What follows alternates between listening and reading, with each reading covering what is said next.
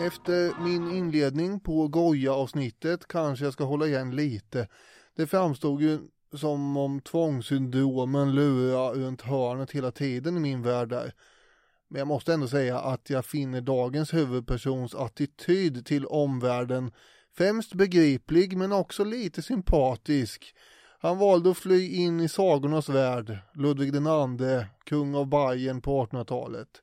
Jag blir själv ofta nostalgisk när jag tänker tillbaka på min barndom och kan bli en svärmisk romantiker också när jag tänker på äldre historia. För all del även om Ludvigs egen tid ibland, så länge jag vet att verkligheten på den tiden var betydligt mycket otrevligare och inte så pampig eller gemytlig som den kanske framställs i allt från sagor till media, så är det okej. Okay. Men ibland var den ju också just sådär storslagen. När jag såg tv-serien 1883 om eh, den stora amerikanska migrationen västerut så satt jag emellanåt och rös av förtjusning när episka bilder på prärien dök upp.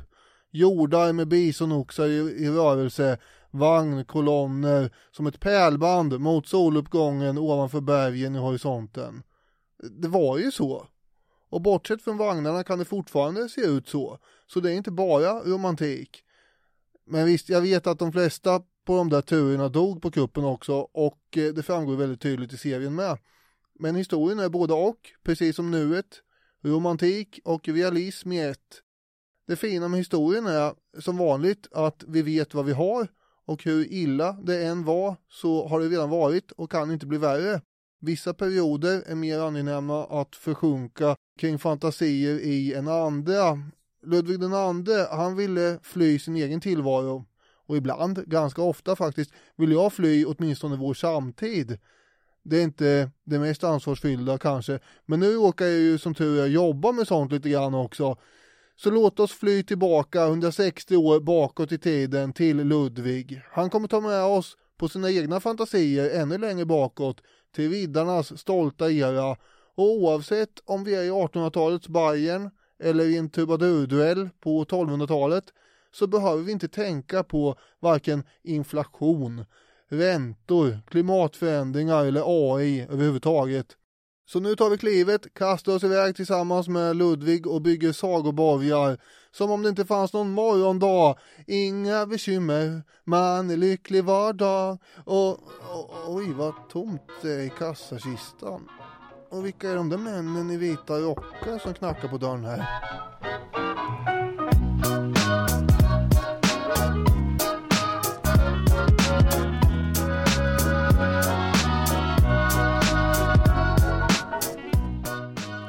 Ni är varmt välkomna till Historiepodden. Och innan Daniel Hermansson i sista sekund svängde där i slutet på inledningen, det, det är lugnt, det kom inga män i vita rockar. Det, det var det var ett dramaturgiskt knep från din sida. Men jag tänkte säga att eh, Ludvig andra av Bayern är ju annars ett eh, typexempel på vad som händer med den typen av skuldfälla som han och svenska folket har, mm. har satt sig själv i.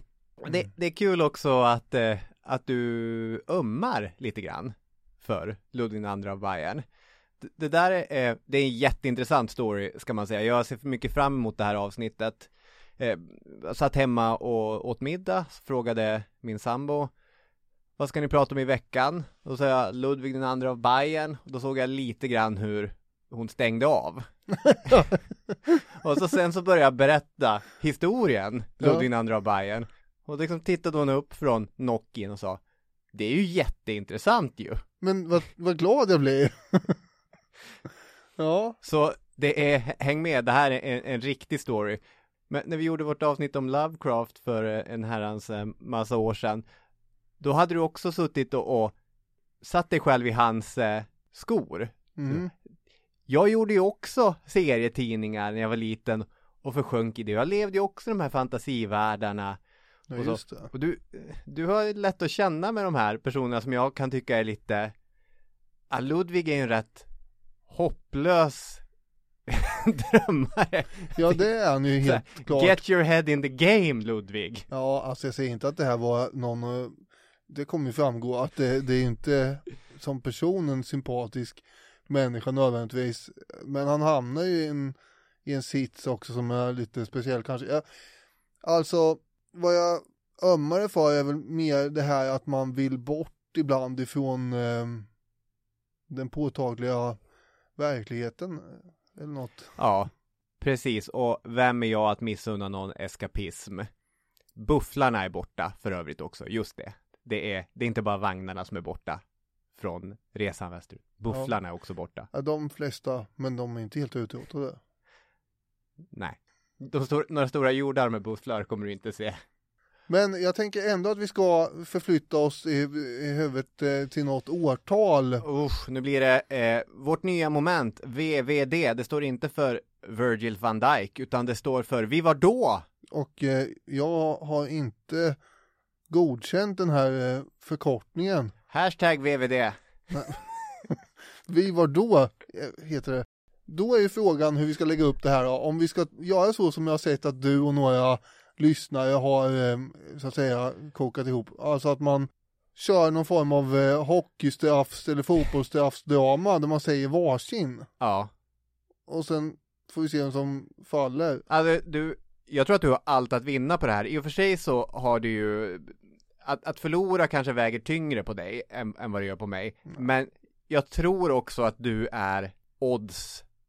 nu försöker du bara. ja men det är, folk, folk vet, du kan ju mycket. Ja men du kan väl med mycket. Du, du försöker skriva ner förväntningar på dig själv här.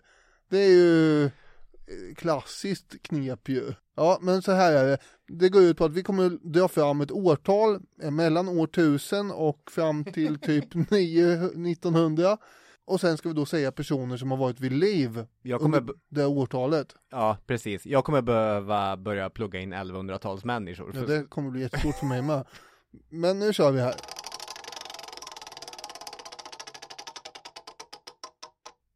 –1758. Okej. Okay. Vi, eh, vi singlar eh, mobil här. Jaha. Eh, skärm upp, du börjar. Ja. Skärm upp, Daniel Hermansson börjar. 1758. det är ju, de behöver ju tänka till lite här på alla. Det är ju det är så himla lätt kan tyckas, men det gäller ju att inte hamna i Henrik den åttonde eh, problematiken, alltså att han har dött några månader innan. Har du någonting? Ludvig den femtonde. Vi slår upp Ludvig den femtonde. 1710 till 1774. Mm. Linné. Ja, okej. Okay. Död 1778. Jaha, ja, då är det min boll igen. Vi är ju mitt i mitten på 1700-talet. Ja, det är ett lite svårt årtal. Mm, mm. Det ställer ju till en smula. Jag säger eh, för enkelhetens skull, Adolf Fredrik, svensk kung. Ja. 1710 till 1771. Mm. Och då säger jag, det här är man ju inte säker på. Nej. Jag säger Olof Dalin. Ja, det tror jag du är hemma på. Ja, född 1708, död 1763. Ja, men det klarar du det. Jag säger Lovisa Ulrika, drottning. Ja. 1720 till 1782, den är hur säker som helst. Mm. Ehm, tre på dig då. Vi har ju sagt att tar man fem var så tar vi i hand och säger att eh, vi var då. Ja, precis. Carl Gustaf Tessin. Mm, jag tror det är hårt. Mångsysslare. Ja. Seger måste jag ha levt. 1695 till 1770. Ja. Gamla de blev alla de här. Ja. Ja, det är ju inte sotarna vi drar fram här. Gustav eh, med ordningsföljden tre säger jag. Sen han väl Just, den, just den tredje alltså. Ja, eh, född eh, 1746. Mm. Liten grabbhalva på den tiden. Nu har jag betat av hela den här familjen nästan. Och det här mår jag dåligt över att säga, men eh, det är så dålig fantasi nu. Arvid Horn. Mm, oj då. Är han död? Jag tror det. 1742. Mm. Det är på tok för tidigt. Ja, det är i alla fall lite för tidigt, 16 år eller något. Ja. Den tidiga frihetstidens stora profil. Ja, men då eh, vann jag då. Ja, det gjorde du. Det gjorde jag ja. Grattis! Tack så mycket. Och eh, ja, ja men det, det känns ju bra. Det är ju mycket svårare än man tror här. För man blir så osäker på om de eh, var vid liv just då. Ja, decennierna flyter ihop lite grann för en. Men eh, vi klämde ihop rätt många ändå. Jag tycker vi ska vara nöjda med det här. Eh, det finns svårare eh, episoder och perioder att sätta tänderna i framöver. Så är det.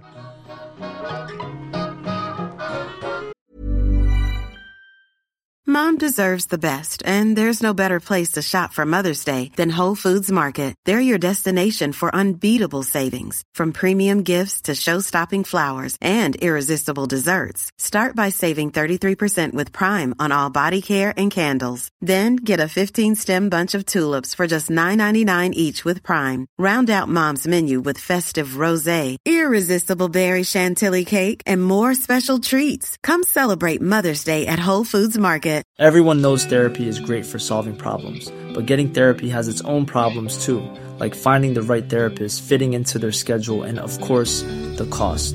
Well, BetterHelp can solve those problems. It's totally online and built around your schedule. It's surprisingly affordable too. Connect with a credentialed therapist by phone, video, or online chat, all from the comfort of your home. Visit betterhelp.com to learn more and save 10% on your first month. That's BetterHelp, H E L P. Hey, I'm Ryan Reynolds. Recently, I asked Mint Mobile's legal team if big wireless companies are allowed to raise prices due to inflation. They said yes. And then when I asked if raising prices technically violates those onerous two year contracts, they said, What the f are you talking about, you insane Hollywood ass? F- So to recap, we're cutting the price of Mint Unlimited from $30 a month to just $15 a month. Give it a try at mintmobile.com slash switch. $45 upfront for three months plus taxes and fees. Promo for new customers for limited time. Unlimited more than 40 gigabytes per month. Slows. Full terms at mintmobile.com.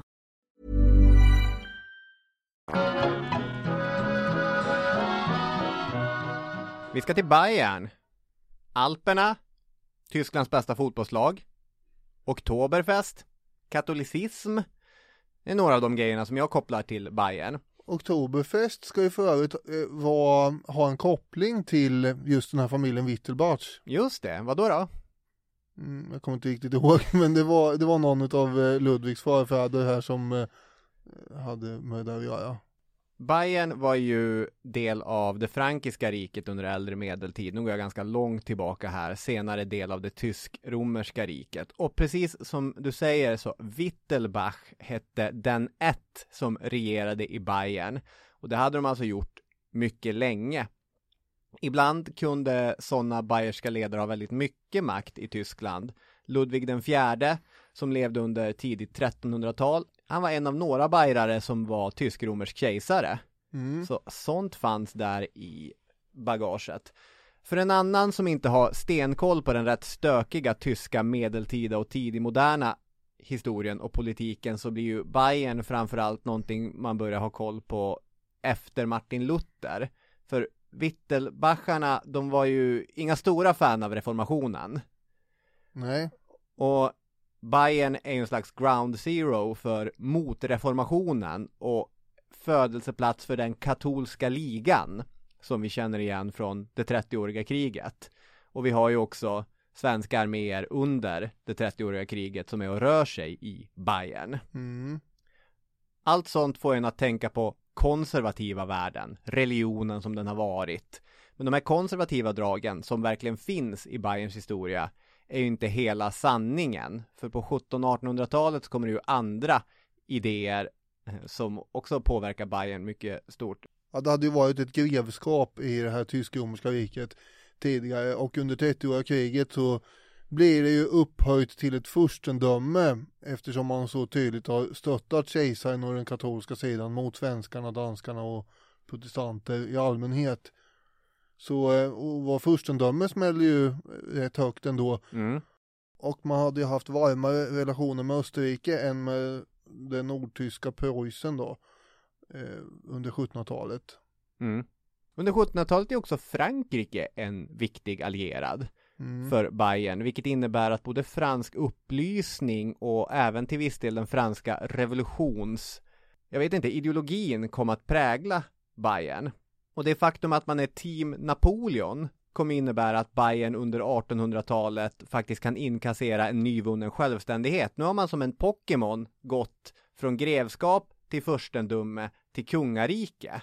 Så 1806 så har vi för första gången kungariket Bayern och det är då den sista evolutionen i den här Pokémon-grevskapet. Ja, eh, man kan alltså säga att Bayern kommer att vara en självständig stat mellan 1806 och 1918. Mm. Åtminstone själv, helt självständigt fram till 1871. Som man hör så är ju det här då mellan två monumentala vattendelare. Alltså Napoleonkrigen och första världskrigets slut. Mm. För Napoleon är den som mer eller mindre skapar det här kungariket. 1806. Så är det. Jag har skrivit att det är ett kungarike smitt i hettan från Napoleons eld. Och det här kungariket Bayern hade ju också fått en lagstiftning influerad av upplysningen. Mm. Och i den lagstiftningen ingår inte någon enväldig kungamakt. Nej, och eh, däremot en fri press. Ja, Så att det är inte ett självhärskardöme på något sätt här. Det finns politiker som länge framåt 1800-talet, precis som i Sverige, får mer och mer betydelse och inflytande helt enkelt. mm. Men man är också eh, smart nog, den här, den första Maximilian, Maximilian den första som är den första kungen, att hinna byta sida igen eh, innan Napoleon förlorar vid Waterloo. ja, Det gäller att veta vilken fot man ska stå på här. så är det.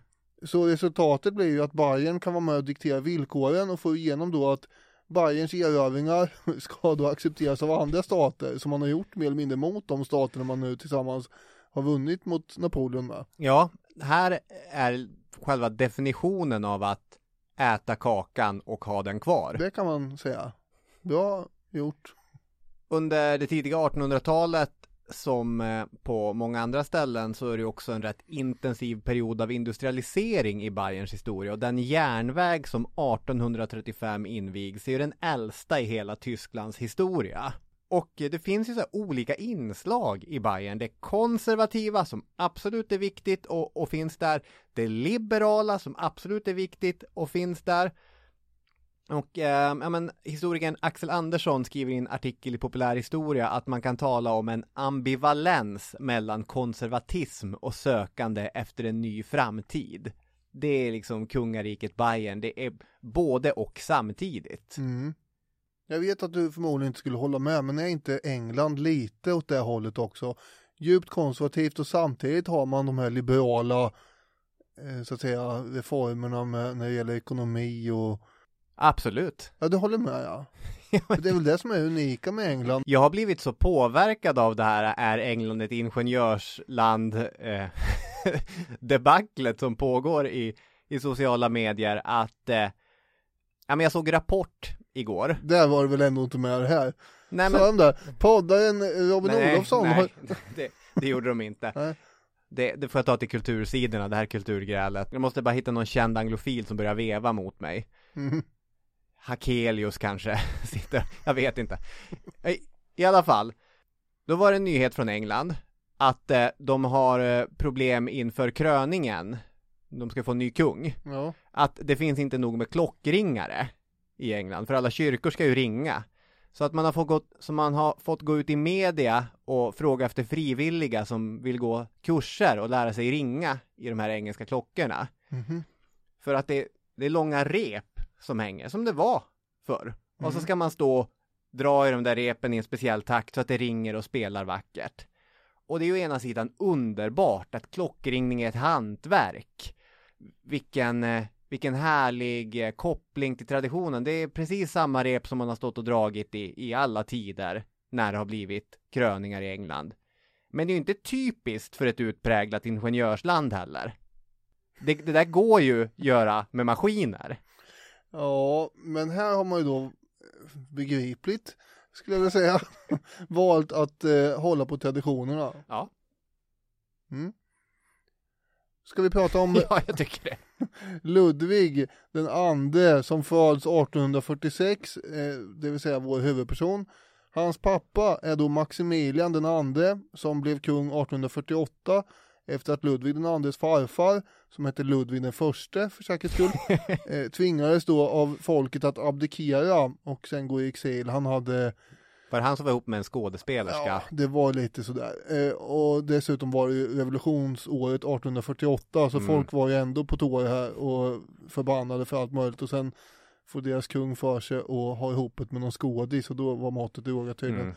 Så då avsatte de Ludvig den förste och Maximilian den andre blir alltså ny kung 1848. Relationen mellan Ludvig och hans pappa Maximilian den var, den var dålig. Mm. De verkar knappt ha haft någon relation, eh, fast ändå lite. Det beror på, de verkar inte ha haft någon nära relation i alla fall. Det var inte så att eh, pappa kungen var hemma och vabbade och Nej, det tror jag inte. nej. Eh, Deras mor sa någon gång att eh, ni kan väl ta en promenad, far och son. Mm. Och då ska pappa Maximilian ha slängt ur sig, men vad ska jag säga till honom? Det är ju, det är ju väldigt sorgligt. Ja, de träffades ju mest på middagarna. Eh, han hade ju en bror också, Ludvig, en lillebror. Men de hade ändå ett gemensamt intresse och det var ju, det visste de väl knappt om då kanske, men eh, det var ju då kultur och konst. Maximilian andre och hans familj bodde ju då på slottet Hohenschwangau. Mm. Just det, det är ju ett väldigt vackert slott. Pampigt. Oh, oh, ja. mm. Och där gick ju Ludvig omkring då som barn och beundrade storslagna väggmålningar med motiv från tyska sagor. Och han ska ha suttit på slottstaket och sett ut över bergen och skrivit dikter om riddarideal och att leda riddarhärar och sådär. Mm. Boken Vad hände egentligen? Mm. eh, skriver Redan som pojke stövade han ofta omkring i skogarna eftersom han inte fann någon med vilken han kunde dela sina djupsinniga idealistiska tankar och sina exalterande känslor. Mm. På Hohenschwangau tycks han också ha utvecklat sin senare så utpräglade lidelse för byggnadskonsten. Mm. Det här är en tid då, ja men till exempel eh, vissa europeiska kungar är intresserade av eh, infrastruktur eller kanske att eh, reformera näringslivet eller Mm. den typen av, av praktiska och ekonomiska frågor. Men här har vi en kronprins som tycker att det är fint med sagor och det är det ju också såklart. Ja, han var nog inte helt ensam om att vara romantiskt lagd. Nej. så att säga, på den här tiden. Men ändå, ja. Eh, han har ju också, han har ju förberett egentligen för att ta över tronen. Hans pappa har ju utarbetat ett strikt schema för studier, även om han inte tänker vara med Nej, det kunde han ju ha pratat om på de där promenaderna de inte tog. det. hade de kunnat ta upp då eventuellt. Ludvig tvingas ju upp då klockan sex på morgnarna och sen är det hårt jobb med pluggande och övningar fram till kvällstid. Och en käpphäst som pappa Maximilian hade var ju ekonomisk hushållning och det här är ju Mm. oerhört ironiskt. Ja, det landade inte. Det föll inte väl ut i slutändan. Men kronprins Ludvig var då tvungen att betala allt han ville ha själv och föra bok över diverse utgifter, prylar, protokoll och sådär.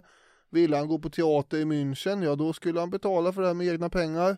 Tanken förstås är att uppfostra grabben till sunt ekonomiskt tänkande här. Ja. Eh, Men det slog ju slint, som vi kommer märka. Mhm. Det är faktiskt en av de, eh, en av de grejer som irriterar mig mest med den här karln. Det är mycket som man kan Att han är så dålig på att hålla budget. Att han är, ja, dålig. han, är, han lever ju i en total fantasivärld, inte bara i en liksom sagofantasivärld, utan det är ju fan frustrerande att läsa om någon som är så totalt oförstående inför att pengarna är slut. Verkligen. Jag tänker många saker kring Ludvig. En sån sak jag tänker är att ehm, han skulle vara perfekt i huvudrollen för en sån här tv-serie som följer någon person, ofta en familj som ska bygga sitt drömhus. Mhm. Och det pengarna räcker ju aldrig till. Och det är hantverkare som inte kommer. Och när de kommer så har de fel dimensioner med sig på klinkers och Ja. det är problem med elektriciteten är det också ja. när man tar det till den nivån som Ludvig kommer ta byggandet, det skulle vara storslagen tv. Det är sorgligt att man inte fick det. En annan grej som vi kommer märka med Ludvig är ju att eh, det var ju bra investeringar. Man kunde bara inte mäta det med hans lift. Man behövde en längre skala. Mm. ja, så är det ju. Och det kanske han hade i sitt huvud, vem vet? Det tror jag inte. Nej, det kanske inte.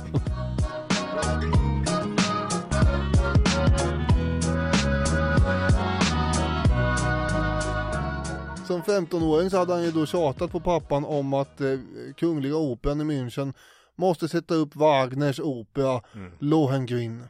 Och till slut fick han som han ville. De sågs väl då och då så han kunde tjata om det här i alla fall. Pappan gillade ju kultur också. Ja, eh, och Lohengrin handlar då om en viddare som jagar heliga graal givetvis. Och Ludvig han blir så tagen när han ser det här så att han gråter sig igenom hela operan. Och eh, nu har han fått sitt första rus av sin blivande drog. Nämligen tysk mytologi i kombination med Wagner-musik. —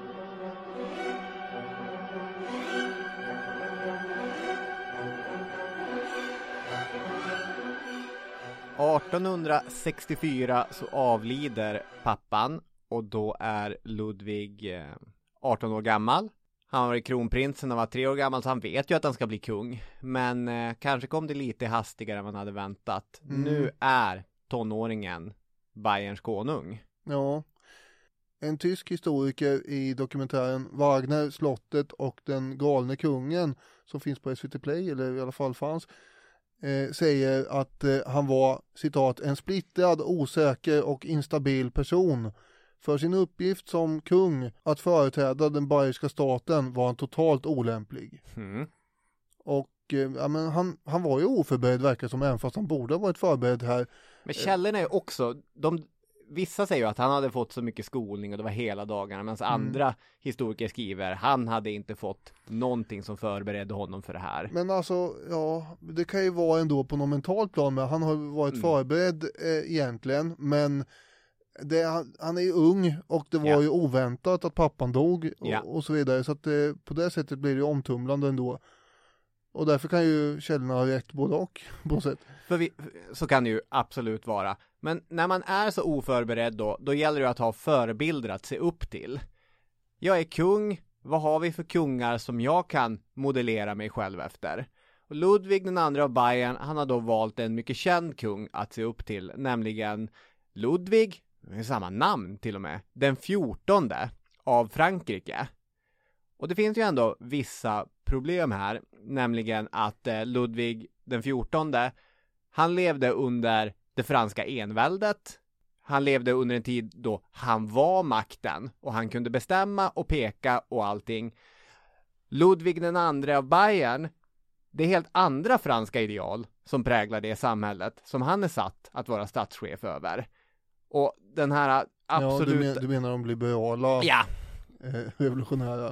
Alltså att han egentligen mest ska vara representativ. Ja, det är en författning Mm. som mycket tydligt hindrar honom från att styra på det sättet som Ludvig den XIV hade styrt. Och eh, jag får lite den känslan att när han märker att jag får inte göra som jag vill, då bara stänger han av och Ja. blir inte alls intresserad av statens angelägenheter. Ja men ungefär så eh, känns det som. Det får jag med den uppfattningen eh, förstås då. Det är inte bara en känsla tror jag inte utan det är så det står Ja. mer eller mindre. Han hade ju då försökt att ändra konstitutionen så att det skulle bli mer likt Ludvig den XIV på Mm. 1600-talet men det mötte ju då patrull förstås bland eh, de politiker som, eh, som var satta att styra Bayern. Ja, Och det var ju då han förmodligen stängde av och bara tänkte då flyr jag in i min andra värld här istället om medeltida sagor och sådär. I och för sig så försökte han ju, möjligen är det lite senare, men han försökte ju titta på möjligheten att förvärva ett annat land att styra enväldigt över. mm. Och det fanns ju olika förslag.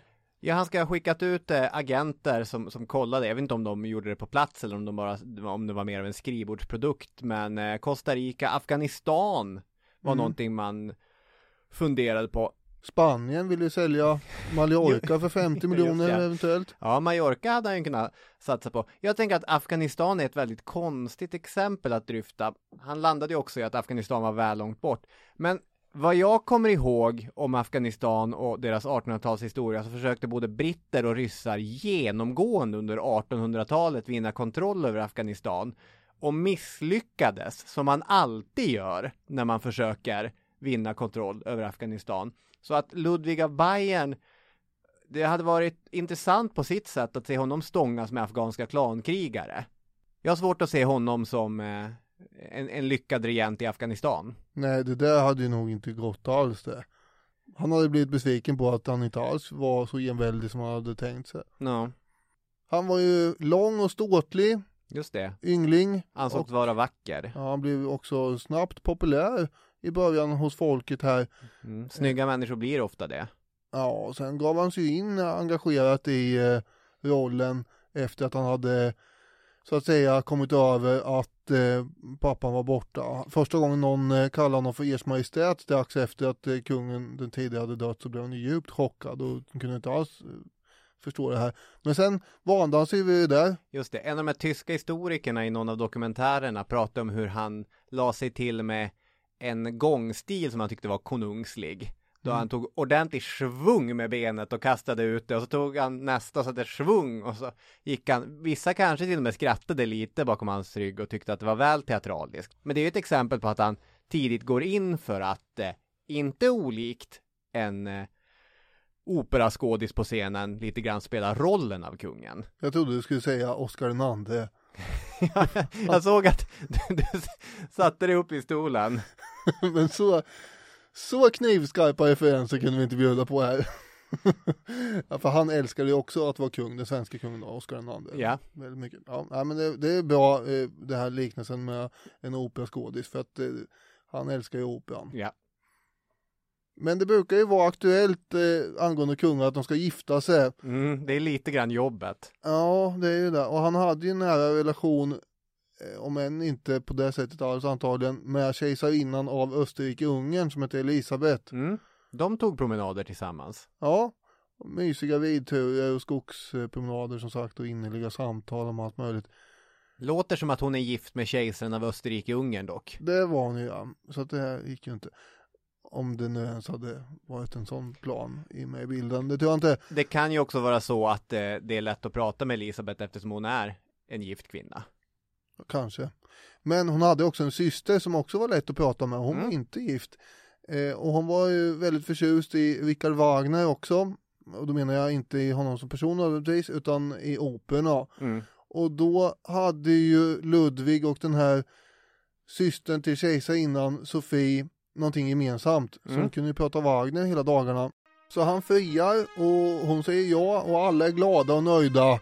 Bröllop ska förberedas. Bröllopstårta. Ska det vara Schwarzwald eller måste vi hitta något bayerskt här? Det måste handlas öl, mycket öl. Och eh, hur är det nu igen här? Fick man, Falcon Bayers. fick man kasta risgryn på folk? Eller hur var det? Bröllopsvagnen måste köras fram nu. Heja heja! Och just då när vagnen rullar fram så byter Ludvigs ångest ut fullständigt och han ställer in hela bröllopet. Den här fick man kasta risgryn eller hur var det? Den har jag sett dig använda någon annan gång. Eller ska det vara kokosflingor? Ja, just det. Du noterar detta? Ja. ja. ja, det var ju, det var ju Dimitri, den falske. Just det. Ja, ja, men det kan man ju ta och fundera på. Det är roligt med de här återkommande bröllopsscenerna genom historien och Mm. man aldrig riktigt vet hur det är med de här risgrynen. Just det, Ludvig den andra Bayern skulle ju för sig kunna vara en väldigt duktig bröllopsplanerare. Det här är ju nästan som en teaterpjäs som ska arrangeras, men han är inte så sugen på det. Datumet skjuts på framtiden och det skjuts på framtiden och det skjuts på framtiden. Mm. Och det går istället då rykten om kungens homosexuella läggning. Och till sist blir det ju inget bröllop. Det blir inget bröllop och i efterhand så har ju de här ryktena bekräftats genom dagböcker och så vidare. Han hade relationer med sin stallmästare och flera tjänare och eh, han verkar också ha plågats ganska mycket av skam över allt det här. I någon eh, dagboksanteckning skriver han firade återseendet med Alfons en gång i grottan. Den första juni var definitivt den sista gången. Mm. Just det, jag kommer aldrig mer falla för frestelsen. Det här påverkade ju säkert, det kan ha påverkat hela Ludvigs självbild och idévärld, men det går ju att hitta härskare både före och efter Ludvig den andre som bara har liksom bitit ihop och gift sig och fått något barn och sen fortsatt med sina relationer i fred. Mm. Men eh, av en eller annan anledning så stänger han ner. Det blir inget bröllop. Men det var ju ungefär samma då som när han inte fick bli den nya Ludvig den fjortonde. Just det, det kan vara ett personlighetsdrag vi har stött på här.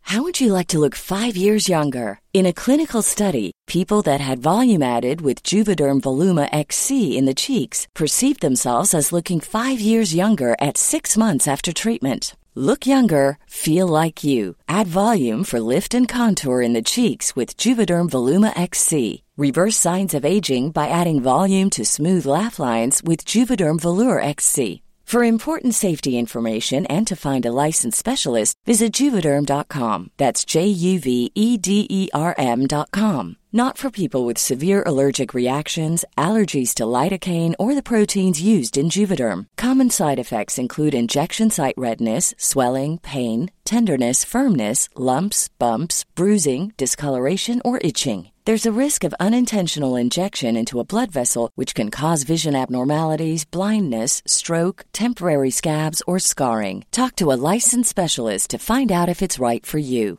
Ryan Reynolds here from Mint Mobile. With the price of just about everything going up during inflation, we thought we'd bring our prices down. So to help us, we brought in a reverse auctioneer, which is apparently a thing. Mint Mobile unlimited premium wireless. Ready to get 30, 30, bit to get 30, bit to get 20, 20, 20, bit to get 20, 20, bit to get 15, 15, 15, 15 just 15 bucks a month. So, Give it a try at mintmobile.com slash switch. $45 upfront for three months plus taxes and fees. Promo rate for new customers for limited time. Unlimited more than 40 gigabytes per month. Slows. Full terms at mintmobile.com. I'm Sandra, and I'm just the professional your small business was looking for. But you didn't hire me because you didn't use LinkedIn jobs. LinkedIn has professionals you can't find anywhere else, including those who aren't actively looking for a new job but might be open to the perfect role, like me. In a given month, over 70% of LinkedIn users don't visit other leading job sites. So if you're not looking on LinkedIn, you'll miss out on great candidates like Sandra. Start hiring professionals like a professional. Post your free job on linkedin.com/people today.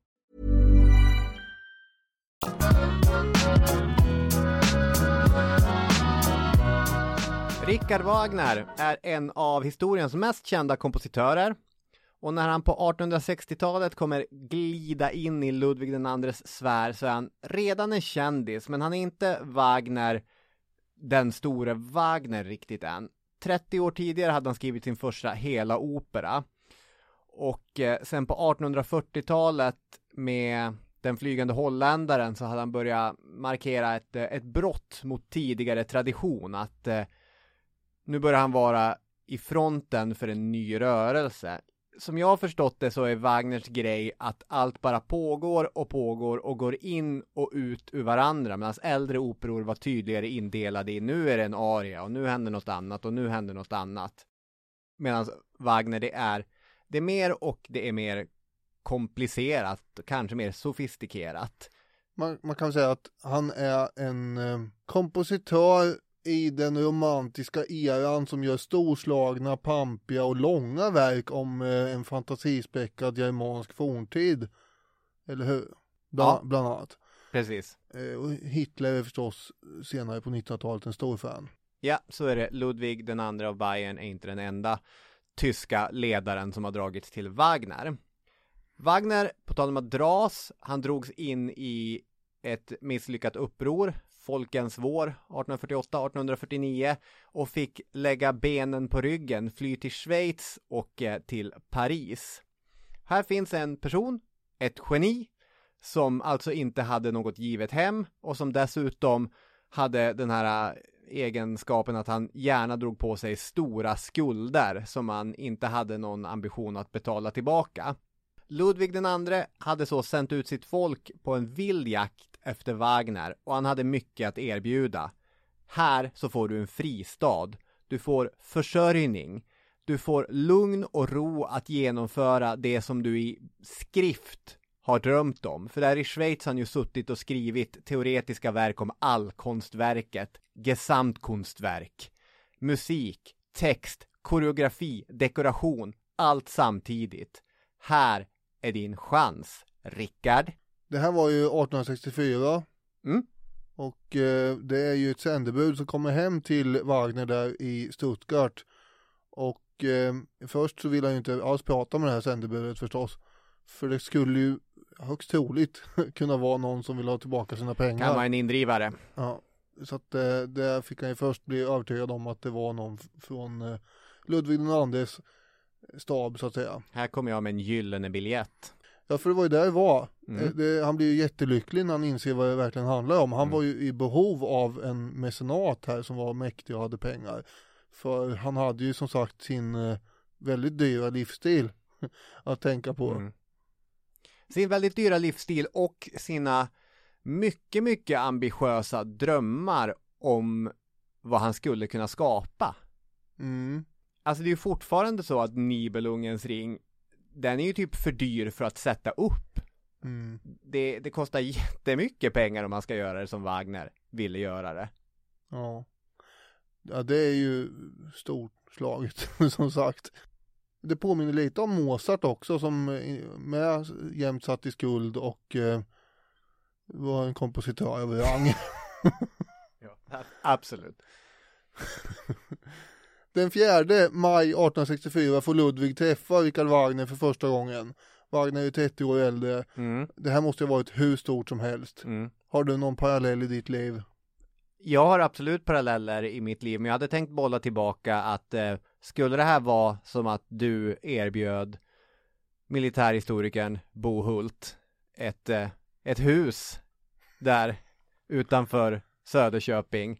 Så att här får du forska i fred, driva dina projekt. Jag betalar räkningen, kommer med mat, fixar allting. Ja, Bara jag får läsa det.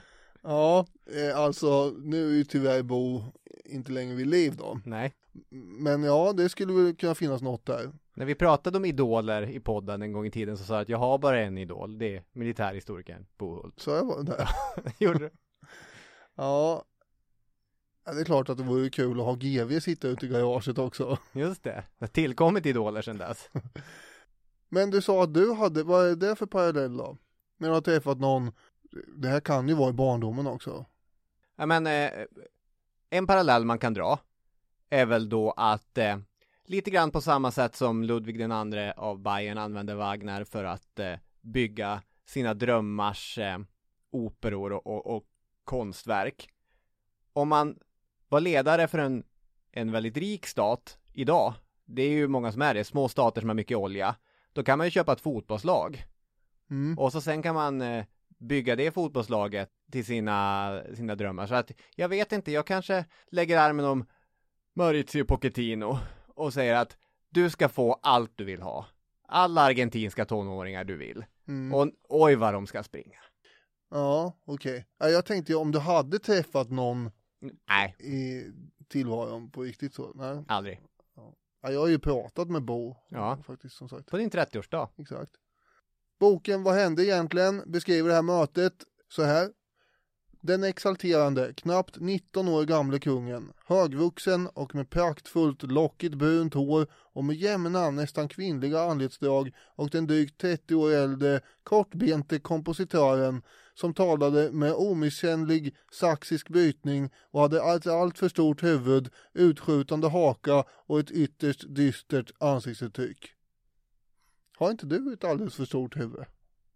Nej, alltså jag har ett stort huvud men jag har aldrig tänkt på att det skulle vara någonting som håller mig tillbaka i livet. Det är du som har sagt det så ofta, det är därför jag säger, nu låter jag som ett jävla svin här jag, jag, ty jag tycker att det är en ganska elak beskrivning av vad hände egentligen. Att, han- att Wagner skulle haft ett allt för stort huvud. Ja, det, det är faktiskt. Men det är ju kul.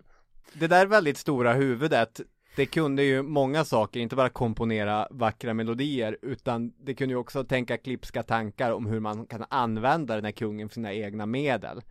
Han kunde, citat, inbilla Ludvig den andre att kungen var en reinkarnation av hjältarna från förr. Det är Axel Andersson i Populärhistoria som skriver det. Att här har vi en, en, en ung drömmande kung som älskar den germanska historien och mytologin. Och här har vi en, en klipsk äldre herre som älskar den germanska mytologin och kan säga du påminner mig mycket om dem. Ja, och han älskar ju också att allt blir betalt.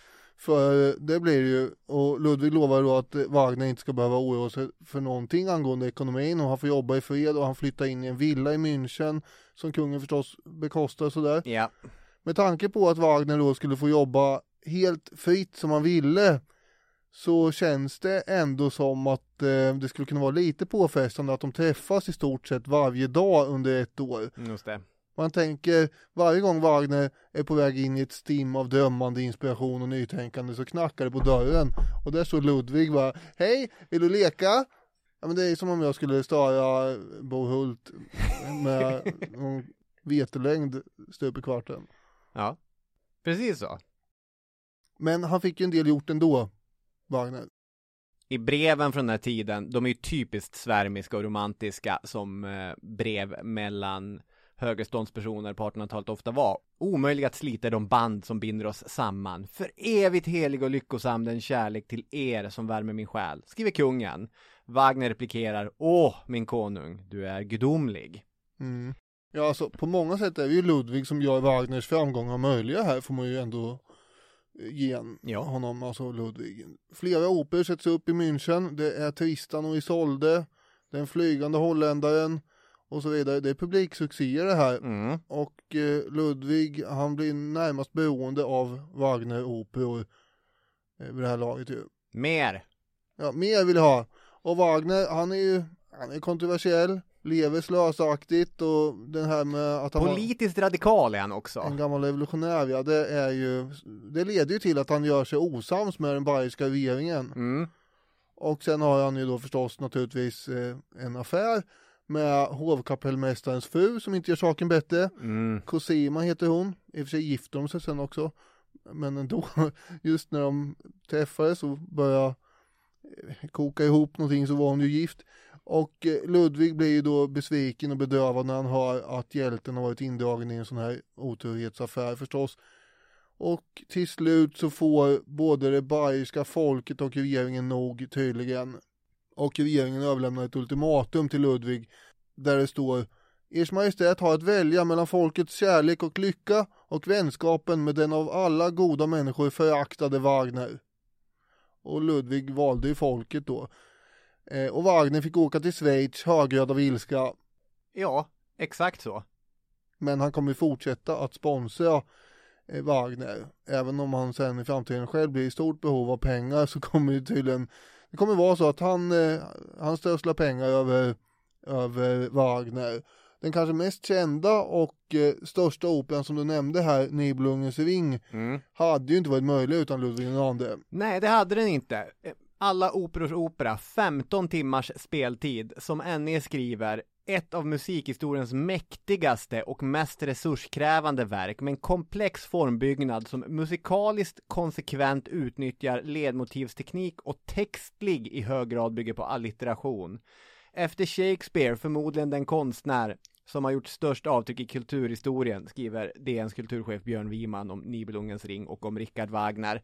Så här har vi väl då första argumentet för att Ludvig den andres mycket slösaktiga liv i själva verket är en plusaffär för mänskligheten.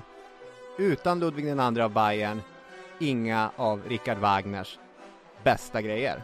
Ja, alltså när du lägger fram det så här så är vi ju Saker och ting får, måste få kosta ändå va, kanske. Mm. Men det är ju det att han eh, Det är inte han som betalar för Jag vet inte, det är ja Eller det är ju han som betalar för men inte hela tiden.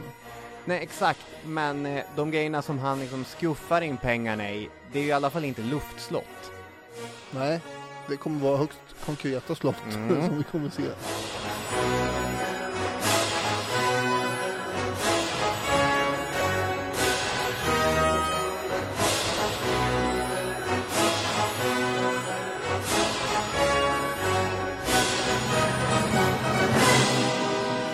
Den preussiske kanslern Otto von Bismarck, han hade ju fixat och trixat lite så att det drog sig ihop till krig mellan Preussen och Österrike 1866. Mm.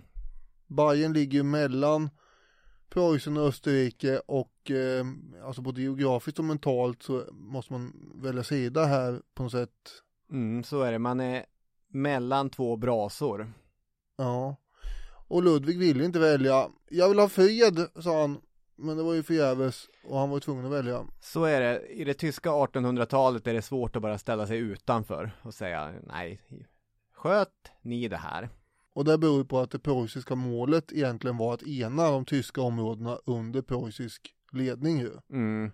Alltså efter Folkens vår 1848 så hade det ju det hade ju funnits tankar om ett enat Tyskland utan Österrike byggt på liberala idéer och den preussiska kejsaren hade ju fått erbjudandet, vill du bli tysk kejsare för det här lite demokratiskt byggda Tyskland? Då hade han sagt nej, jag vill inte ha någon konstitutionell förbundsstat och istället så blir det ju hela grejen med blod och järn. det blir krig mot Danmark 1864 om Schleswig-Holstein.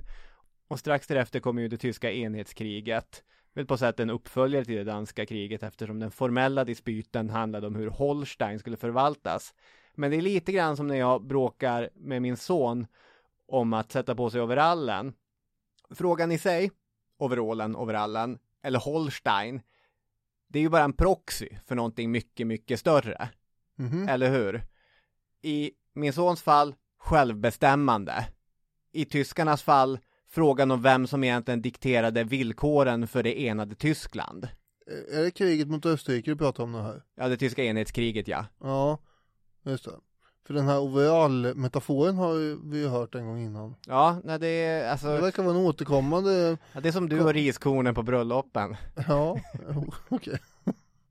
Det är, jag är så trött, jag måste få återanvända grejer. Det får du. Österrike kunde räkna med Sachsen, Württemberg och eh, de får ju till sist också med sig Ludvig den andres Bayern. Medan Preussen kunde ställa upp hela norra Tyskland på sin sida. Mm. Ja, och då gäller det ju att mobilisera den bayerska armén. Och var har vi nu lagt alla värvjor igen? Ja, där har vi det där drakdödarsvärdet, men var har vi lagt muskedunderna som man har nu för tiden? Och fort fram med sadlarna till alla hästar och forsla fram kutlådor och damma av uniformerna och... Var, var, var, vart är kungen på väg? Vart är kungen på väg? Han är på väg till Schweiz och schappar från det här kriget för han måste fira Richard Wagners födelsedag där i Schweiz. Det här är ju inte, det är inte det man förväntar sig av en kung när det drar ihop sig till krig. Att han ska åka iväg och äta marsipantårta i Schweiz istället för att leda trupperna. Även om han inte behöver stå längst fram där så kanske han inte ska fly, så att säga. Nej, så är det ju. Svenska partiledare har blivit avsatta för att bara lätt föreslå tanken. Vänta, vem var det nu igen?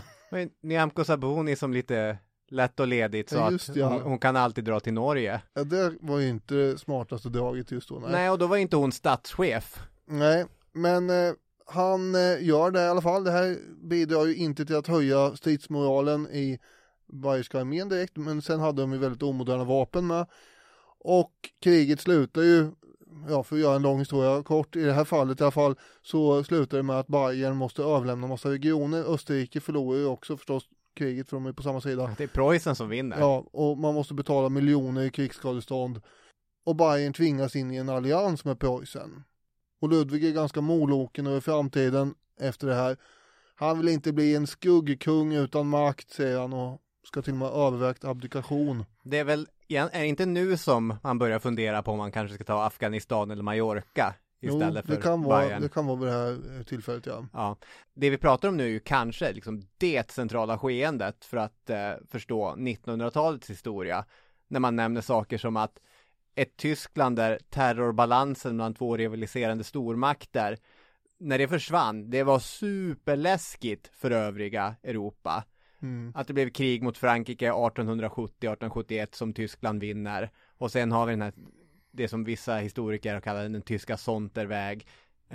Och sen har vi det här Tyskland som kommer vara väldigt involverat i 1900-talets storkrig. Mm. Ja, som sagt, eh, tyska kejsardömet utropas ju efter det där kriget mot Frankrike 1871. Mm. Militär makt och auktoritet. Mm. Den preussiske kungen blev kejsare och sådär. Mm. Men Bayern ingår ju då i det här kejsardömet fortfarande som ett kungadöme. De är duktiga på fredsförhandlingarna. Det är inte Ludvig som sköter det. nej, nej, det kanske man ska föra till han, protokollet här, att det är inte han som sitter och förhandlar. Men eh, det är ändå snyggt förhandlat som sagt. Det är så att man, han får behålla kungatiteln och vissa av de här gamla staterna, som Bayern till exempel, har ju också då inflytande på beslut som kejsaren ska ta Mm. genom någon form av rösträtt då. Och eh, Ludvig han tänker den här rösträtten behöver jag inte lika mycket som jag behöver pengarna jag kan få om jag säljer rösträtten. Så han säljer ju den mer eller mindre till Bismarck och Preussen för 6 miljoner riksmark. Det är för dåligt. Ja, tycker att han skulle ha begärt mer pengar eller? Nej, i och för sig. Det är ju pengar in och gud vet att han kommer behöva pengar in. Från Wagner var dyr så är det ännu dyrare saker som Ludvig håller på med. Ja, Men eh, det är ju för dåligt. han tar ju inte ansvar för det rika han är satt Nej. att styra över. Eller styra, han är ju inte den som får styra, det är det som stör honom i och för sig. Så Mm. då vill han ju styra över annat som han verkligen kan styra över. Mm. Det vill säga slottsbyggen. Nu. Och eh, det är ju dyrt. så, eh, så det behöver ju pengar till och eh, det där ska ju visa sig vara en, eh, en eh, riktigt dyr drog. Mm. Ett sätt att förklara Ludvigs nästan monomana fascination av slottsbyggande är att återigen knyta till Wagner, att han hade ju blivit Wagners mecenat, men att den här idémässiga relationen, den blev aldrig jämlik. Det var inte så att han var medkompositör till Wagners mästerverk, utan att eh, han kanske behövde sin egen arena för att ta fram all konstverk. Skulle han kunna imponera på sin idol och dessutom kunna skapa sina inre fantasivärldar genom att ta sig an det i arkitektonisk mening istället. Mm. Jag vet inte om det är psykologiserandet, om det finns någonting i det, det kanske. Slotten går ju helt i linje med den här drömmande estetiken. Han hade idéer, han hade Alperna, allt som saknades var ju slott. Mm. Ja, Ja, det fa- fanns slott. det fanns ju slott, det gjorde. Han hade växt upp på Hohenschwangau till exempel. Ja, Och han, men han ska bygga nya slott och eh, det ena mer spektakulärt än det andra. Och det handlar ju om att fly verkligheten på något sätt in i de här sagorna och eh, han eh, sa ju att eh, i sina slott kunde han citat för en tid glömma den rysliga värld vi lever i. Och det är väl där någonstans jag känner en liten, eh, liten sympati här för det här. ja, Hade jag haft, jag såg ju en massa summor någonstans i någon eh, dokumentär, kan det varit uppåt 350 miljoner euro och sånt där som man hade omsatt pengarna i, i dagens värde. ja, Då hade jag kanske också byggt Neuschwanstein, ja, eller hur jag uttalar det rätt. ja, du kanske hade gett det ett helt annat namn. Ja, det kanske jag, Neuschweinstein, tänker jag. Ska vi gå igenom de här tre slotten? Linderhof, det är Mm. ju det minsta av dem, ett eh, litet gulligt barockslott på landet. ett helt normalt slott att bo i för en kung. Ja, Varför jag då inte har eh, förberett eh, mig inför att prata så mycket om det. Men han bodde ju där en stund, ja. då och då, ganska ofta. 4,6 av 5 på Google. Jaha, du har kollat upp sånt ja. Intressant. Herrenchiemsee, det Ja. ligger på ön Herreninsel. Och det är ju ett stort palats. Det här är ju då byggt till Ludvig den XIVs ära. Mm. Det behövde ju Ludvig den XIV. Ja, det ser ju ut som Versailles. Ja, precis. Och om man då av någon eh, anledning inte riktigt skulle förstå att det här är en hyllningsprodukt till Ludvig den XIV så blir man väl ändå lite påmind om det när man går in i spegelsalen där det hänger 25 tavlor av Ludvig den XIV. Ja, det är väldigt många tavlor av Ludvig den XIV. Spegelsalen på det här slottet är ju större än spegelsalen på Versailles. Det är ju oerhört intressant. Ja, det är ju det är en kopia som är större än, ja. precis. 4,7 av 5 på eh, Google. Men nu går vi till Neuschwanstein. Ja,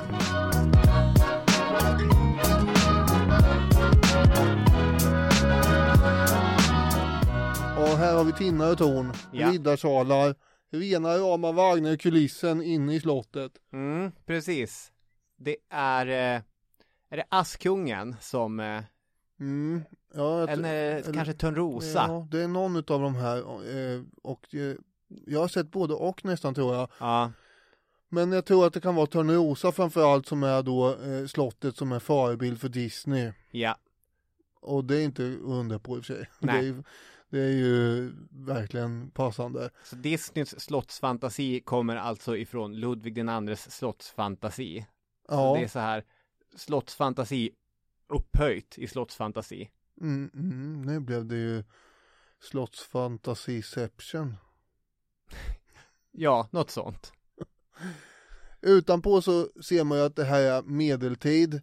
Men inuti så är det högsta tekniska moderniteter, varmvattenberedare, telefoner och grejer. Just det, det var världens modernaste kök en gång i tiden. Ja. ja, det säger ju en del. Det här var inte billigt. Nej, Och det ligger dessutom oerhört otillgängligt till bland skogiga berg och sånt uppe på en där. klippa ja. Och, men det är helt fantastiskt. Hit ska ju historiepodden åka på kickoff. Absolut. Det är ett livsmål. Ja, nej så är det ju. Det är ju Jag fyller ju jämnt om några år så. Ja, just det. Då kan vi kanske passa på. Åka till München, det är inte sämst. En aspekt av allt det här är ju som sagt då att han ser sin verkliga makt krympa ihop, men att vara slottsbyggherre, det ger ju absolut makt. För ingen kan ifrågasätta honom som byggherre. Och han var ju förmodligen en mardröm att ha Mm. som chef. För han ändrar ju ständigt på saker och ting och även om det redan är något som är byggt så kanske han begär att det ska rivas. Och sådär, varenda detalj petar han i. Om han är nöjd med någon tavla eller eh, någonting som är byggt så bjuder han hantverkare och konstnärer på cigarrer och sådär. Oj, oj, jag vill bara lägga till musiken från Grand Designs i bakgrunden här. Det, det, det här är ju ett tv-program. Ja, kanske det. Eller så bara dömer man sig bort, tänker bort telefonerna och varmvattenberedarna och så föreställer man sig att vi är på 1100-talet. Men det är ju typiskt de här drömhusbyggarna att eh, man kommer på just det, men om jag istället har en, en naken takbjälke här hela vägen. Okej att jag måste riva hälften av det som är byggt, men det skulle bli bättre. Så vill jag ha det.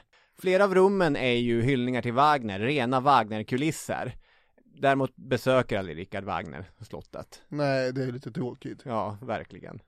Men det är målningar av Parsifal till exempel och sånt där. Mycket pampigt. Man sitter ju och blir förtjust när man ser de här dokumentärerna, måste jag säga, om inredning och Ja. så vidare. Precis.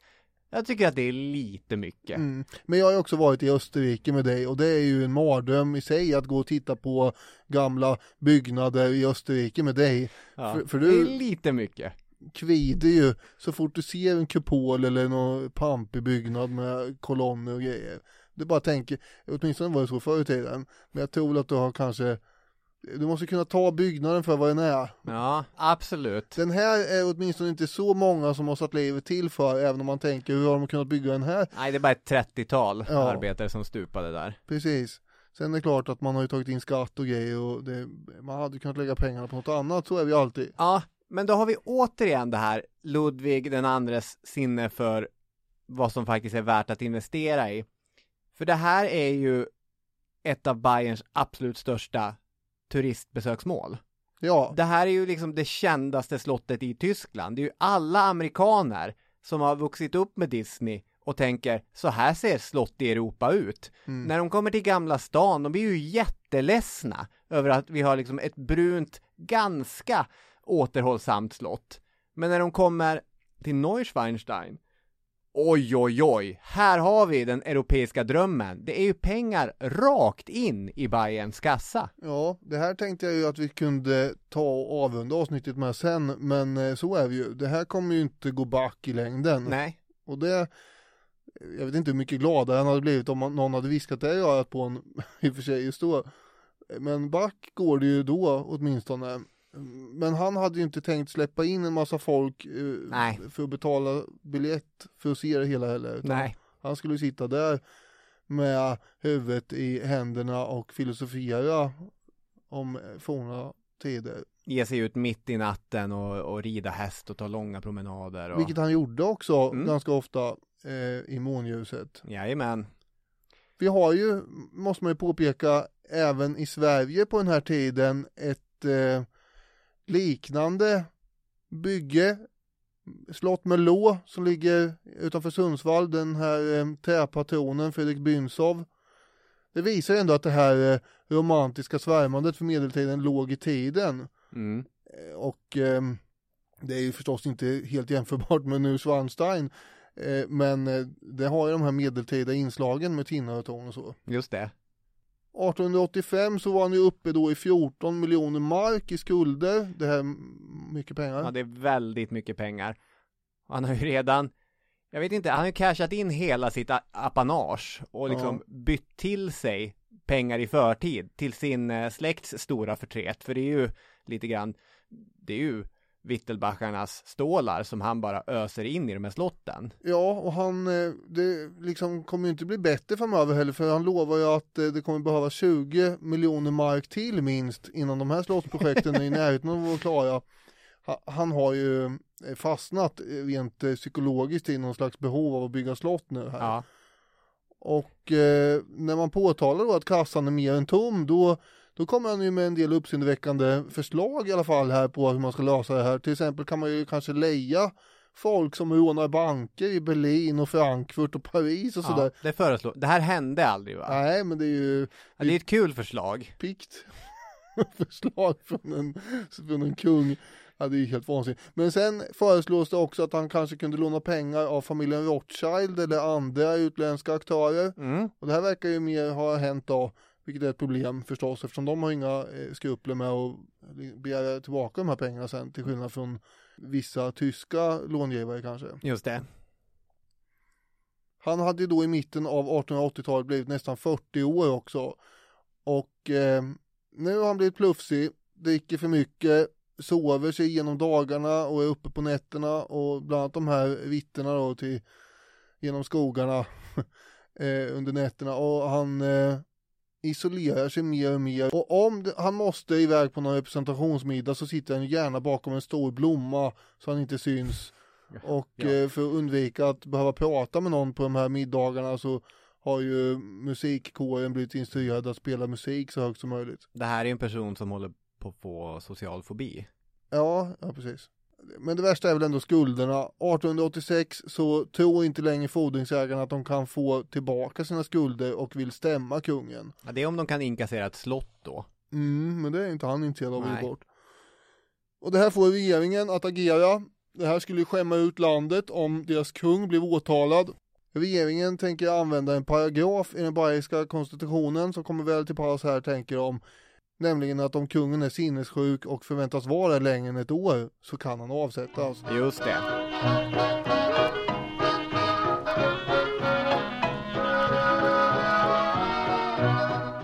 Då har vi eh, en tysk nervläkare med tidens ord, eller psykiatriker, Dr. Gooden, som eh, tidigare har slagit fast att Ludvigs lillebror Otto var galen. Det är såklart inte ett begrepp vi skulle använda idag, men psykiskt sjuk på något sätt var säkert Otto. Men det här uppdraget som Gooden kommer få från regeringen, det är ett annat typ av uppdrag, för den gode doktorn kunde givetvis inte träffa den kung som de ämnade att avsätta. Diagnosen skulle behöva ställas via andrahandsuppgifter. Så det som man börjar göra nu är att man sammanställer massor med uppgifter från tjänstefolk och andra människor som har vistats kring kungen. Hur är han? Vad gör han? Och då får de reda på att ja, tjänstefolket, de får inte knacka på dörren utan de ska skrapa med sina fingernaglar. Och då kan eh, kungen öppna och släppa in dem. Sen när de är inne så får de absolut inte tala med honom utan de ska göra sig förstådd via teckenspråk här. Det får en att tänka på eh, artisten Prince när han var som mest excentrisk. än. jag vet inte om det är en skröna om det hände, men han, då han tänkte ju då att eh, studiomusikerna skulle förstå honom via bara tankeöverföring, att han skulle titta på dem. Och så sen skulle de veta hur Prince ville att eh, trummorna skulle låta på just den här grejen. Oj då, ja. Lite den känslan får jag kring Ludvig II här. De får inte titta på honom heller, där skiljer det sig från, eh, från Prince. Mm. Utan de ska titta bort och de får absolut inte titta på den maten som de bär in till honom också. Nej, det är många grejer här som kommer fram i de här papperna i alla fall. Ja, det är, det är ju ett beställningsjobb det här. Det är ju Målet är ju att eh, Gooden ska säga att kungen är galen, men även vissa moderna bedömare när de kollar igenom det här materialet, då ser de inte som Gooden säger, paranoia var diagnosen som man använde då i Tyskland, men man ser någon typ av personlighetsstörning. Ja, alltså han, han fick ju vid den här tiden då ibland eh, ursinniga vredesutbrott som snabbt därefter kunde följas av en ganska lättsam och gladlynt hållning bara sekunder efter så han var ju ganska oberäknelig med humörsvängningar och sådär. Just det. Boken Vad hände egentligen? skriver Omgivningen hade svårt att stå ut med kungens ständiga lynneskast. En gång kom han till exempel på idén att sätta en kammartjänare klädd i clowndräkt på en åsna och låta ledaren genom gatorna. Minsta försummelse ledde ofta till att Ludvig blev rasande och pryglade missdådaren. Vid andra tillfällen tycktes han däremot skämmas över sitt beteende och gjorde allt för att gottgöra sin orättvisa. Ofta gick han då till ytterlighet åt andra hållet. Han ordnade fester för sina tjänare och överhopade dem med gåvor. En gång lyckliggjorde han en dragon med en briljantring. Ja, så Mm. det låter ju inte som att det är helt stabilt det här. Nej. I en brittisk dokumentärserie som vi har sett inför det här avsnittet, Royal Murder Mysteries, då sitter det en massa eh, talking heads här, olika författare och historiker som blir intervjuade och, och de säger saker som han var en romantiker, en excentriker, men han var inte galen. Ludvig var inte galen och så vidare. Men eh, det är väl inte riktigt det som är frågan här egentligen. Nu gör den där konstiga grejen där man replikerar till ett gammalt inlägg vars upphovspersoner inte kommer kunna svara på kritiken. Men jag blir ändå lite triggad av de där britterna, för det är ju uppenbart för var och en att den här utvärderingen, den är ju bara ett svepskäl för den bayerska regeringen att göra sig av med sin kung eftersom kungen bränner jättemycket pengar och inte visar något som helst intresse för det som de bedömer är centralt för hans ämbete. Och enda sättet att bli av med kungen är den här lagtexten som säger att har vi en galen kung, då kan vi göra oss av med vår galna kung. Alltså ser de till att skaffa en galen kung. Och det materialet de har att jobba med är ändå hyfsat tacksamt på det sättet. Ja, det finns ju tecken va, som eh, går att jobba med som du säger. Mm. Regeringen skickar iväg då en delegation för att meddela kungen att han är sinnessjuk och därmed avsatt. Men den här delegationen kommer ju bara till slottet Hohenschwangau eh, där de trodde att han var, men där var han inte för han satt faktiskt just då på Neuschwanstein. Det finns så många slott. Ja, men det här ligger inte så långt bort, Nej. eh, utan det är i närheten. Man ser ju slotten mellan varandra i princip. Och vad jag förstår i alla fall utifrån de bilder jag har sett. eh, jaha, det här var ju trist tänkte delegaterna som eh, passar på att sova på Hohenschwangau då. Tjänarna beordras att eh, duka fram en brakmiddag helt enkelt. Det är sju rätters, 40 stop öl och 10 flaskor champagne klämmer man i sig på kungens nota får man säga innan man lägger sig i sängarna där i det där slottet. Men dessvärre har ju då en av Ludvigs kuskar på Hohenschwangau avvikit och tagit sig då till Ludvig för att varna kungen. Och när delegationen då tar sig till det här sagoslottet så står de utanför i hällande regn och förklarar att de vill ju prata med Ers Majestät här och då släpps de inte in. Så de måste återvända till Hohenschwangau och eh, när de är på väg dit så visar det sig att kungen har skickat soldater efter dem för att gripa dem. Så de blir alltså gripna och under marschen tillbaka till Neuschwanstein så utsätts de också då för häcklande och, och hatande och, och sådär av traktens bönder som har ställt sig på kungens sida. Och sen spärras de in i några celler där någonstans på slottet där. Och det här är en jättemärklig situation där regeringens delegation alltså är inspärrade på kungens sagoslott. Mm, det är lite konstigt. Eh, men det går bara någon dag innan det är någon som får kalla fötter och öppnar dörrarna och släpper ut regeringens folk. Och de skyndar sig ju allt vad de orkar då till München. Och nästa försök att gripa kungen, då har de ju med sig fler soldater och man lyckas överrumpla honom också. Och eh, von Gudden förklarar att det här är det sorgligaste uppdrag han, han bara kan tänka sig. Men kungen kommer nu gripas.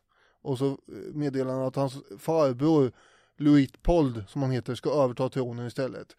Och Ludvig han ifrågasätter det här, hur kan du veta att jag är sinnessjuk, du har inte undersökt mig. Men läkaren menar att nej men det behövs inte, jag har ju den här rapporten. Ungefär. Och eh, vad hände egentligen? Skriver vid fyra tiden på morgonen den 12 juni 1886 tog den likbleke kungen farväl av personalen på Neuschwanstein och tackade sina tjänare för deras trofasthet. Ludvig steg upp i en vagn som inte kunde öppnas inifrån. Och sen bär av då till ett slott som heter Berg som man mer eller mindre har byggt om till någon form av sinnessjukhus åt honom då. Just det, Neuschwanstein 4,7 på Google. Han flyttas till Berg. Inte ett av hans egna byggen, men ändå pampigt. Bara 4,2 på Google, men det beror på att eh, slottet är privatägt och därför inte kan besökas. Eh, Mm. Vissa recensenter på Google tipsar om att man kan ta båten ut på sjön Starnberger och få fina vyer över slottet. Mhm. Men på Berg väntar eh, Godden på honom, den här nervläkaren. Och eh, ja, det händer lite konstiga saker. När Ludvig anländer till slottet så dinerar han och läkaren tillsammans. Sitter och, och pratar och så. Och så sen beslutar de sig för att ta en promenad längs med sjön Starnbergers vatten. Mm. Borta väldigt länge, bör man tycka. Eh, de här assistenterna till läkaren och så. Vakterna kanske också börjar fundera. Det var, det var en lång promenad de tog. Så man skickar ut eh, folk för att börja leta efter de två herrarna. Och några timmar senare så hittar man dem båda döda i vattnet. Mm. Ligger och flyter på ganska grunt vatten här i, i Mm. sjön Starnberger. Så mindre än 24 timmar efter det att han hämtades från sitt Neuschwanstein så är han död. Är det inte märkligt att han flyter, har ju folk påpekat. Att han ligger där eh, och flyter, för det måste ju då betyda att han har luft i lungorna. Ja. Har han inte drunknat, vad har han då dött av? Ja. Ja, det är jättesvårt att bedöma sånt här i efterhand, men spekulationer och rykten har ju inte saknats. Och eh, kanske hade han förberett ett möte med någon person som skulle komma i en båt och hämta honom har det föreslagits. Eh, men sen har han blivit stoppad och så har det blivit handgemäng.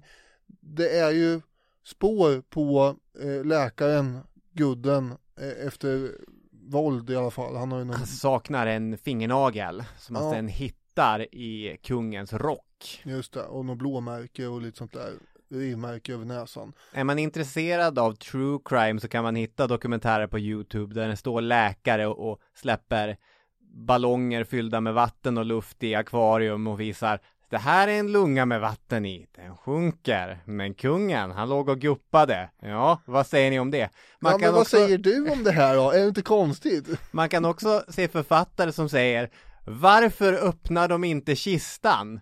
För jag tror att skelettet kommer visa skottskador. Jag är ju ingen true crime kille. Nej, det, det, spelar inte så stor roll för Det dig. nej, Nej. men Hä? de har väl börjat bråka och någon av dem har eh, dött först. Kanske har läkaren Gooden blivit dränkt av Ludvig som sen har tagit koll på sig själv. Jag vet inte. Ja, nej. Och sen får man ju komma ihåg då att eh, alla uppgifter vi har kommer ju från eh, läkare och en regering som har kuppat bort kungen Mm. och sådär. Så att vi vet inte heller hur mycket själva uppgifterna i sig stämmer. Nej. Men jag kan bli frustrerad. Alltså på ett sätt är det väldigt passande att Ludvig den andre, sagokungen, dör med en mordgåta. Det är ju väldigt passande. Men jag kan också bli frustrerad över eh, true crime vinkeln som vill göra det till det mest intressanta. Men det här är ju bara en liten kuriös, märklig avslutning på ett helt jättekonstigt liv. Ja, ja och, och egentligen kanske det minst intressanta av alla intressanta saker om Ludvig den andra av Bayern. Fast folk tycker olika och eh, jag kanske håller med dig men det finns ju andra som skulle tycka något annat och det intressanta är väl ändå att alla har någonting här oavsett om man är intresserad av true crime eller slott eller vad det nu är, Wagner, ja eller Wagner så finns ju någonting i den här storyn. precis.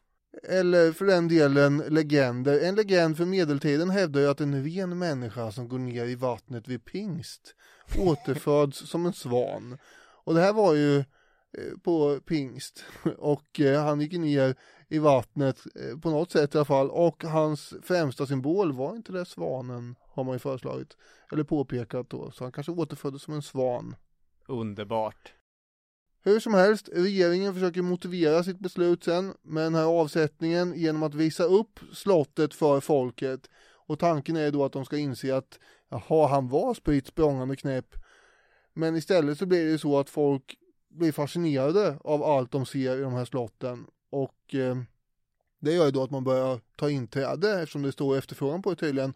Vilket i sin tur då leder till att de här intäkterna vartefter kan betala av kungens skulder. Mm.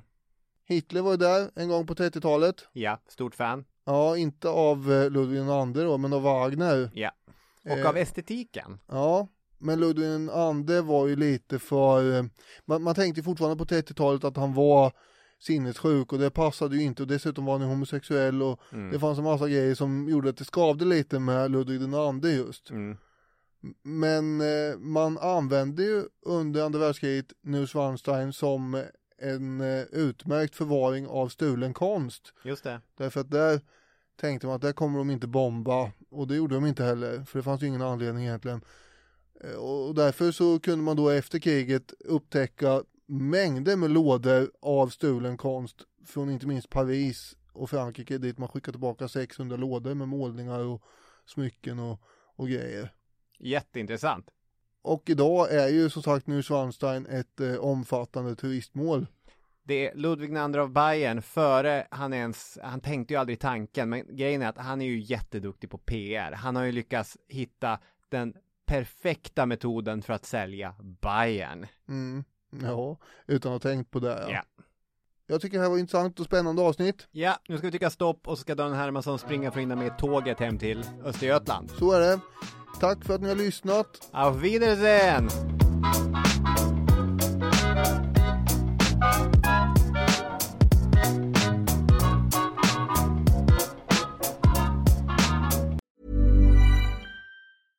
Imagine the softest sheets you've ever felt. Now imagine them getting even softer over time. That's what you'll feel with Bowl and Branch's organic cotton sheets. In a recent customer survey, 96% replied that Bowl and Branch sheets get softer with every wash. Start getting your best night's sleep in these sheets that get softer and softer for years to come. Try their sheets with a 30-night guarantee. Plus, get 15% off your first order at bowlandbranch.com. Code BUTTERY. Exclusions apply. See site for details.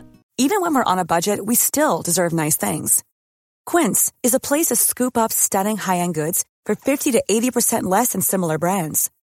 They have buttery soft cashmere sweaters starting at $50, luxurious Italian leather bags, and so much more.